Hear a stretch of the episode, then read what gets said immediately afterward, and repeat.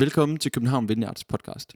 Vi er glade for, at du lytter med, og vi håber, at du vil blive inspireret, opmuntret og udfordret i din tro og dit liv, hvor du end er. God fornøjelse. Vi skal begynde på en prædikenserie her i maj måned i dag, og det har jeg glædet mig ret meget til. Øh, og den kommer til at handle om 1. Peters brev i det nye testamente. Og øh, det kommer derfor også til at handle lidt om Peter i dag.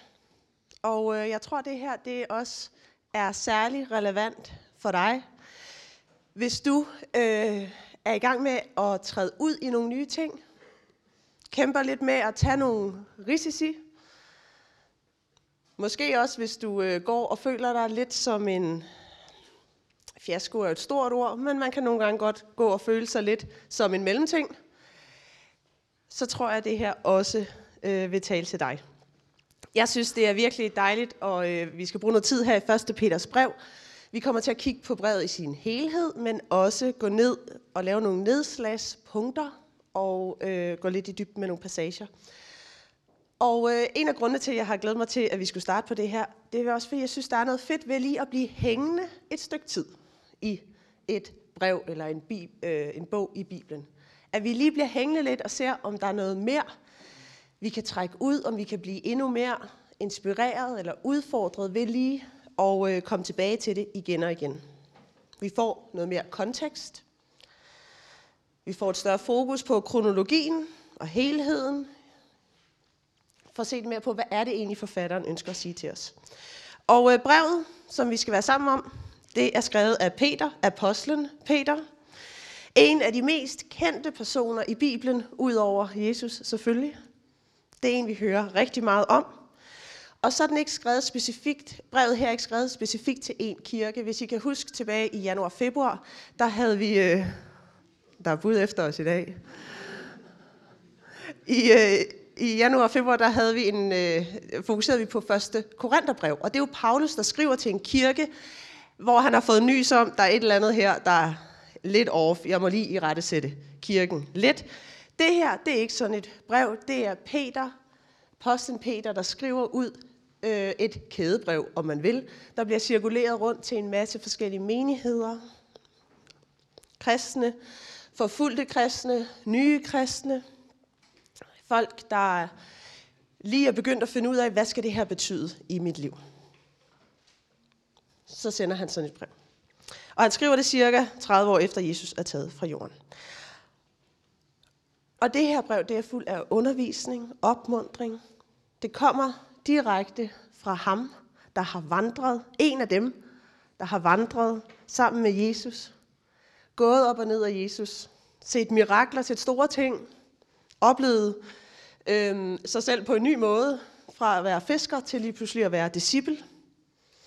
Og nu er han ved, sammen med de andre disciple, at finde ud af, hvordan ser livet ud i efterfølgelse af Jesus, når de ikke lige går rundt sammen med ham fysisk.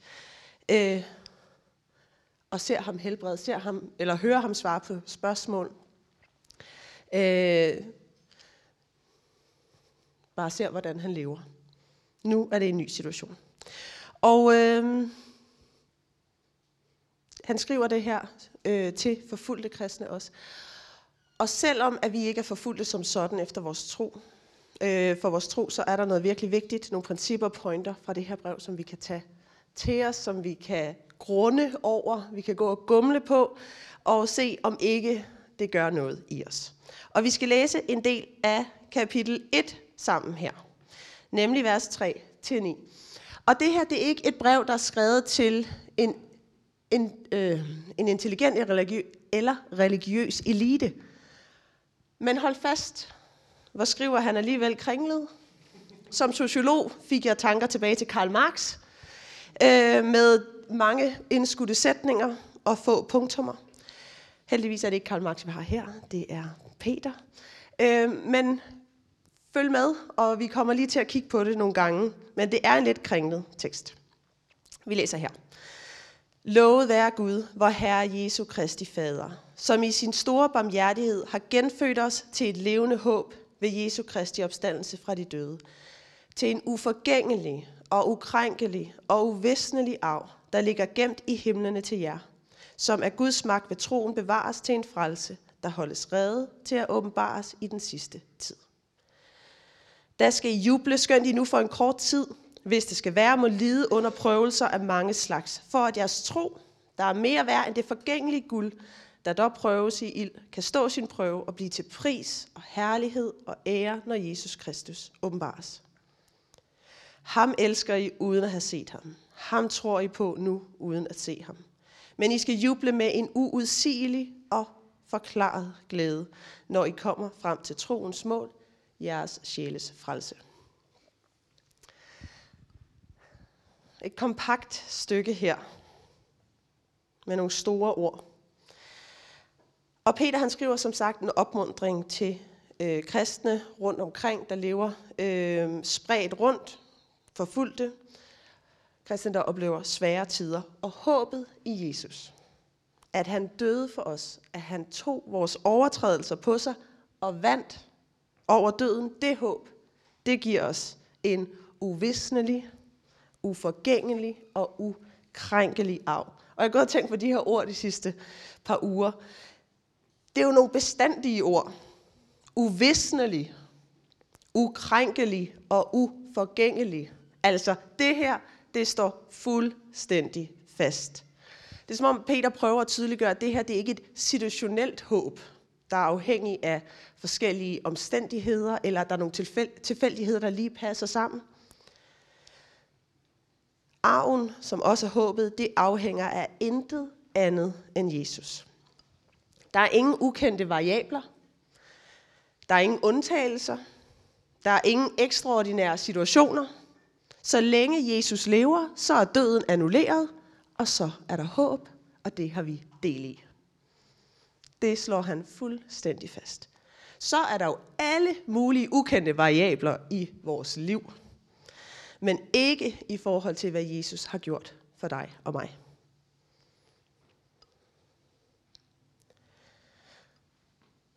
Og bare lige en, en anbefaling af at lytte til Flemmings tale fra i søndags omkring døden og derigennem livet, vi har fået. Meget passende ind i den her også. Jeg kan høre på podcast.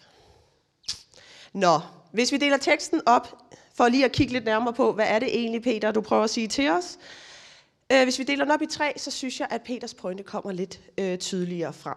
For det første her, det er evangeliet. Her er det, Peter han siger, det er det her, vi tror på. Det her, det er vores håb. Jesu død og opstandelse. Lovet være Gud, hvor Herre Jesu Kristi Fader, som i sin store barmhjertighed har genfødt os til et levende håb ved Jesu Kristi opstandelse fra de døde. Til en uforgængelig og ukrænkelig og uvisnelig arv, der ligger gemt i himlene til jer, som af Guds magt ved troen bevares til en frelse, der holdes reddet til at åbenbares i den sidste tid. Det her, det er evangeliet. Som om Peter han siger, nu starter vi lige brevet, nu får vi lige styr på det her. Det er det her, det handler om. Det her er de gode nyheder. Det her, det forvandler liv. Del 2. Så er det som om temaet skifter lidt. Nu handler, øh, sige, det her på en eller anden måde handler om, at livet rammer os. Det er ikke altid let at håbe. Der skal I juble skønt I nu, en kort tid, hvis det skal være, må lide under prøvelser af mange slags. For at jeres tro, der er mere værd end det forgængelige Gud, guld, der dog prøves i ild, kan stå sin prøve og blive til pris og herlighed og ære, når Jesus Kristus åbenbares. Paulus ved godt, livet kan være usandsynligt op ad bakke. Det smerter. Der er tab. Og så er det, del 3 kommer her. Fordi det, at del 2 er der, annullerer ikke del 1. Ham elsker I uden at have set ham. Ham tror I nu på uden at se ham. Men I skal juble med en uudsigelig, forklaret glæde, når I kommer frem til troens mål, jeres sjæles frelse. Det annullerer ikke vores håb, det annullerer ikke vores tro, det annullerer ikke øh, Jesus opstandelse fra de døde, hans øh, sejr over døden, at vi også oplever svære ting i vores liv. Evangeliet og håbet står vi stadig på. Og når jeg læser det her, og også læser i Peters brev, så har jeg sådan øh, fornemmelse af, jeg synes nærmest Peter, han siger sådan, I, hvis ikke I kender Jesus, I skal, bare, I skal bare glæde jer. Det bliver simpelthen, i bliver så glade for det. Peter, han brænder for det her budskab. Han har mødt Jesus, og han vil, vi skal møde ham. Og han siger, I skal juble en dag, skal I se Jesus ansigt til ansigt. Og I skal juble med en uudsigelig og forklaret glæde. I skal glæde jer. Amen. Øh, når vi læser et brev i Bibelen, så må vi spørge os selv om konteksten. Hvad er årsagen til brevet? Hvem er, hvad er det, han prøver at sige, forfatteren? Hvorfor tænkte han, det var så vigtigt for os at forstå det her? Der er jo mange forskellige genrer i Bibelen, og vi må bare lige gøre os det klart, når vi læser Bibelen. Hvad er det for en genre? Er det poesi? Er det stamtavler? Er det lovtekst? Er det beretninger om Jesus?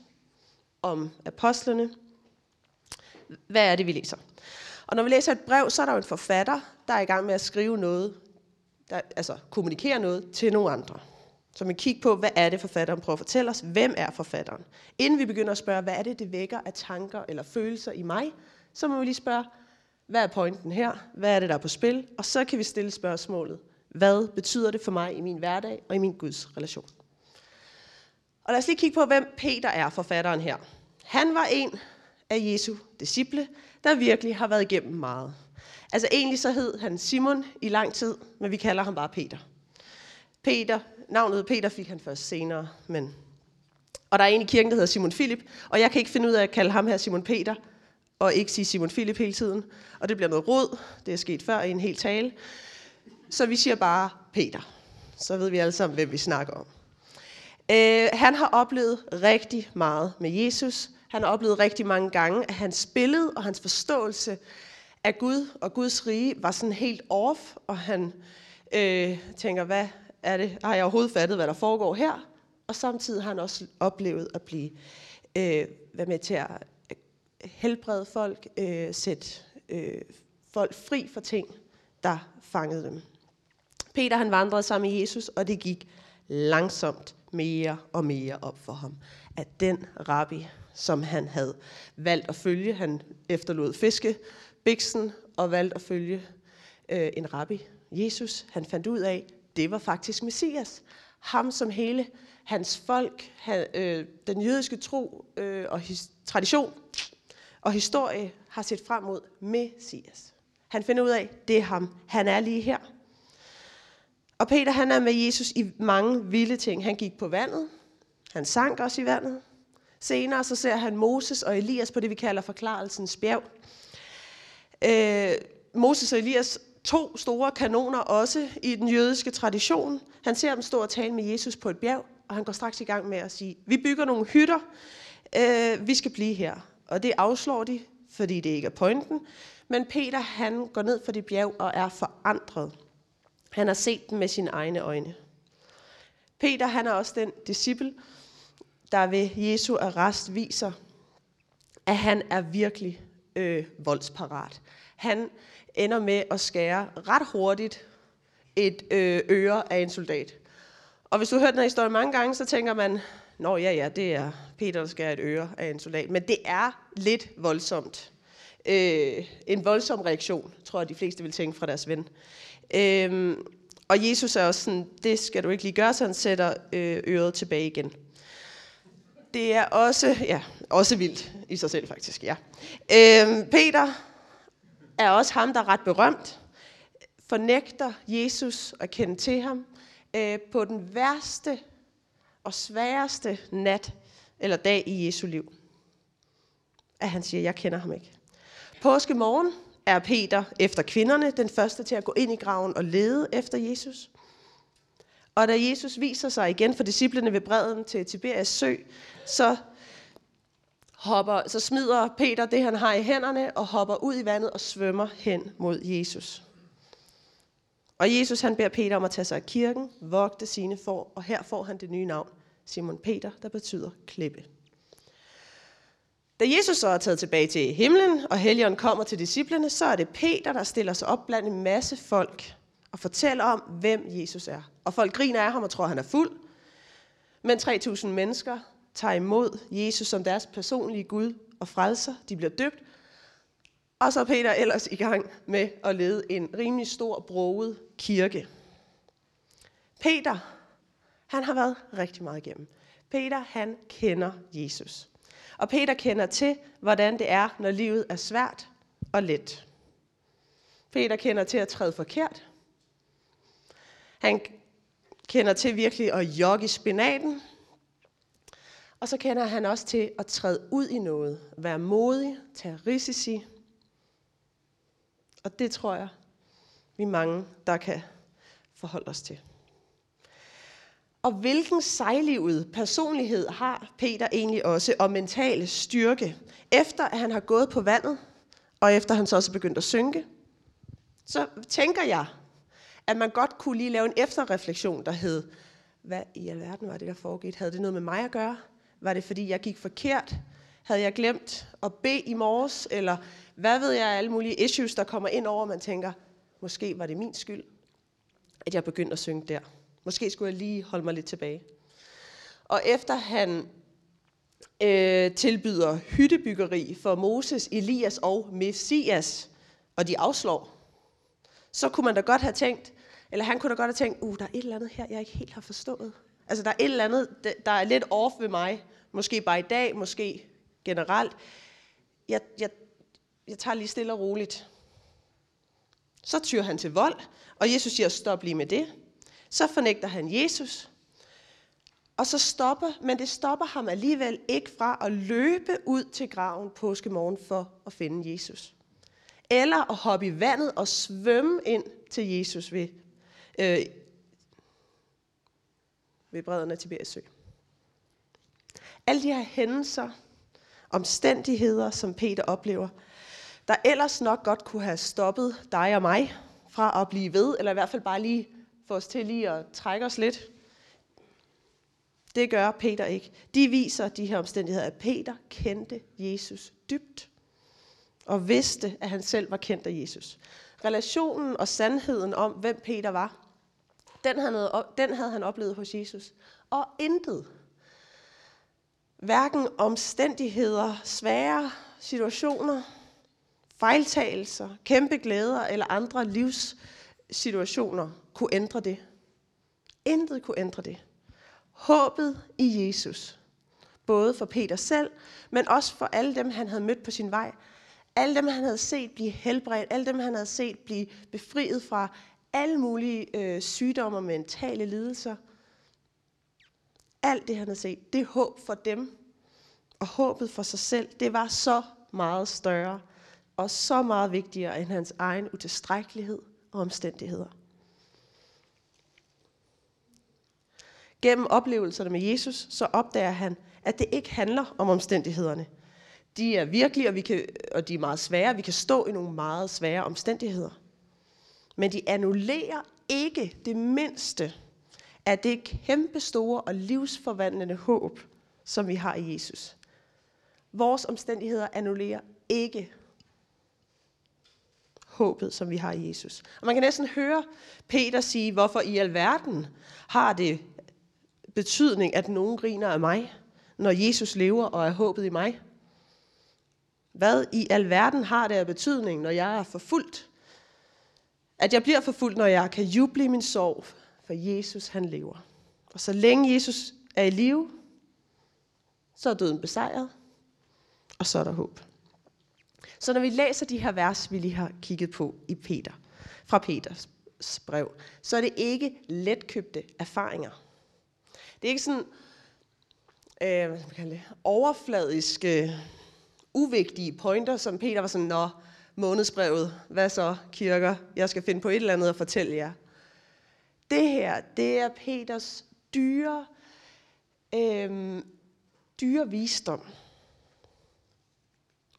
Det er hans vigtigste erfaringer, som han længes efter, at de her kristne og de her kirker, de tager imod og forstår. Han ønsker at give det her videre af hele sit hjerte til de andre kristne, og især dem, der er forfulgte, for der er håb. Peter insisterer på det her igen og igen. Der er håb.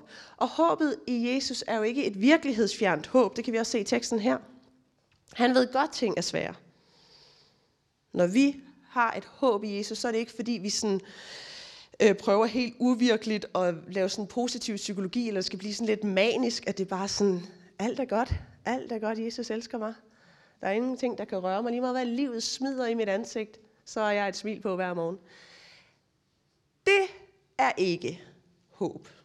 Det bliver sådan lidt, jo, det, det ved jeg ikke, med forskellige personlighedstyper, men det håbet, som Paulus taler om, det er dybt, dybt håb, eksistentielt håb. Vi ved, Jesus har os.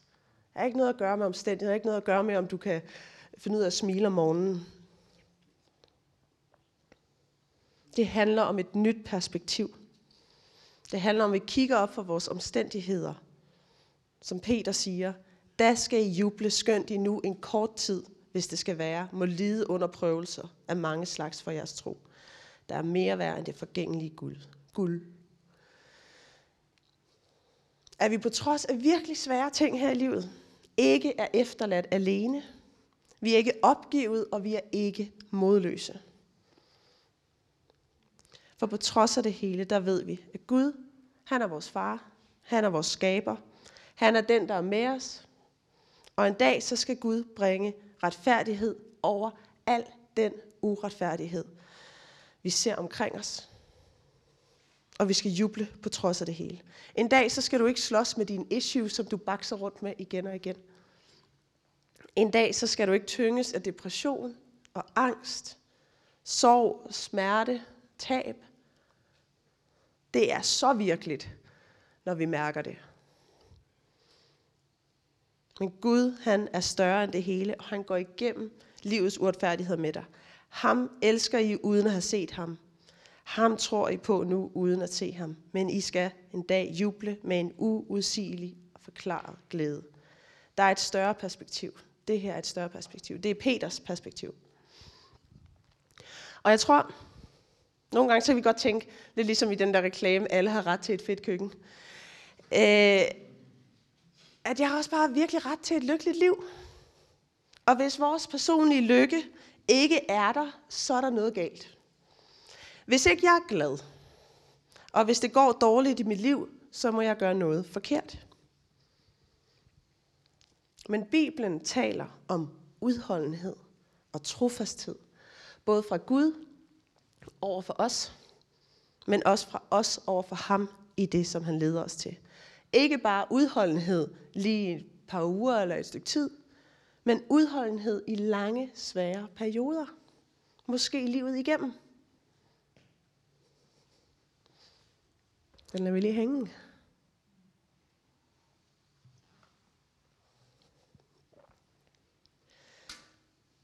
Peter han holdt fast i Gud og sandheden om sig selv på trods af store personlige kriser og udfordringer. Han kom hele tiden tilbage til Jesus, at det var håbet, troen og håbet i Jesus, han må komme tilbage til igen og igen.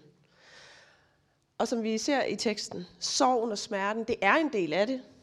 Nogle oplever mere smerte end andre, og det er dybt uretfærdigt. Og det er så en anden ting, uretfærdighed. Den er svær, for verden er virkelig uretfærdig. Peter peger hele tiden på Jesus. Det er det her, der holder. Når alt andet glipper, det her holder. Det her, det er håbet i Jesus. Det er det, der kommer til at bære jer gennem livet. Peter kommer hele tiden tilbage. Det er det her, der kommer til at bære jer gennem livet. Og hvis han siger det til forfulgte kristne, hvor meget mere siger han det så ikke til dig og mig i dag? Og uanset om hvor du lige befinder dig i livet, liv, om du har troet på Jesus i mange år, om du er uafklaret, hvad du lige tror på, om det hele er lidt nyt for dig, om du er ung eller gammel, om du er glad eller trist, om livet bare flyver afsted og er let, eller om der, det er fyldt med smerte. Uanset så kalder Peter os til at forholde os til vores identitet i Jesus.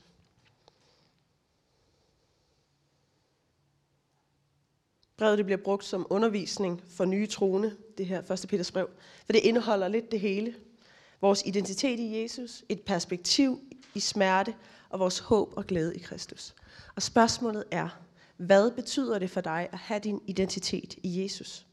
At udgangspunktet for dit liv og din livsanskuelse er Jesus. Hvad betyder det for dig? Hvad betyder det for dig i dit liv, i dine tanker? At det hele kommer ned til Jesus. Lovet være Herren, hvor Herre Jesu Kristi Fader, som i sin store barmhjertighed har genfødt os til et levende håb ved Jesu Kristi opstandelse fra de døde. Hvad betyder det for dig? At være genfødt til et levende håb ved Jesus Kristus. Det her, det er udgangspunktet. Det er vores udgangspunkt i vores liv, i vores relation til os selv, til andre. Det her, det er udgangspunkt. Det hele kommer tilbage til Jesus. Hele kommer tilbage til Jesus. Hvad han har gjort for os, og hvem han er. Og vi synger i nogle forskellige sange, Jesus, det handler om dig. Og vi har sådan en gammel klassiker, en god en, hvor vi bare synger, Jesus, only you. Og det er jo ikke fordi, at vi ikke elsker andre mennesker, har omsorg for andre mennesker, og vi mener også, at det er fint at betale sine regninger. Det er ikke fordi, vi skal sådan blive fuldstændig ensporet. Men det handler om, at når alt kommer til alt, så er det Jesus, det handler om. At hovedsagen forbliver hovedsagen. Hovedsagen er, at hovedsagen forbliver hovedsagen. Og hovedsagen er, lovet være Gud, hvor Herre Jesu Kristi Fader, som i sin store barmhjertighed har genfødt os til, det, til et levende håb ved Jesu Kristi opstandelse fra de døde. Hvad må det betyde i dit liv? Hvad må det betyde i dit liv? Der er mange forskellige lommefilosofier rundt omkring. Øh, vi skal bede lige sammen lige om lidt for det her. Jeg har bare lige en pointe her også. Der er mange forskellige lommefilosofier. Ikke? Øh, hvis vi ser omkring på sociale medier og i film, der er sådan mange, der har en eller anden livsvisdom, som, øh, som bliver delt igennem det, og vi alle sammen sidder og nikker til og tænker, det lyder da klogt. Øh, og jeg kom til at tænke på, øh, kan I huske den der film fra nullerne, The Holiday? Sådan en romantisk komedie. Jeg er virkelig ked af, hvis det er din yndlingsfilm. Øh, for det, jeg kommer til at sige nu. Øh, jeg kom bare til at tænke på den, øh, fordi der er en af hovedpersonerne, eller øh, kvinderne der, at hun opdager lige pludselig, at hun havde glemt at være hovedrollen i sin egen verden. Hun havde bare hele tiden været en birolle. Og det er den her kæmpe store åbenbaring. Åh oh, nej. Og hvor fantastisk. Hun kom i tanke om, fandt ud af, hun kunne være hovedrollen i sit eget liv. Og jeg bare ikke kunne slippe den her pointe, for jeg er så uenig, og jeg er så træt af den. For man sidder der og tænker, ej ja, ej det er det, hun har brug for. Ja, hun har glemt at være hovedrollen i sit eget liv. Og så lige pludselig er man sådan, nej hvad? Stop, stop, stop. Niks, jeg abonnerer ikke på den filosofi. Og man må ligesom stoppe sig selv for at sidde og tænke, ej, jeg burde måske også faktisk være hovedrollen i mit eget liv. Niks. Tillykke, det behøver du ikke være. Det er en forskydning. Og tro det, det er ikke evangeliet. Og vi takker Gud dagligt for det. Du behøver ikke være hovedrollen i dit eget liv. Er det ikke dejligt? Jesus må være hovedrollen i dit liv, for at blive det sprog. Når du inviterer Jesus ind i dit liv som din herre, at han er din konge, så bliver han udgangspunktet i dit liv. Og tillykke med det.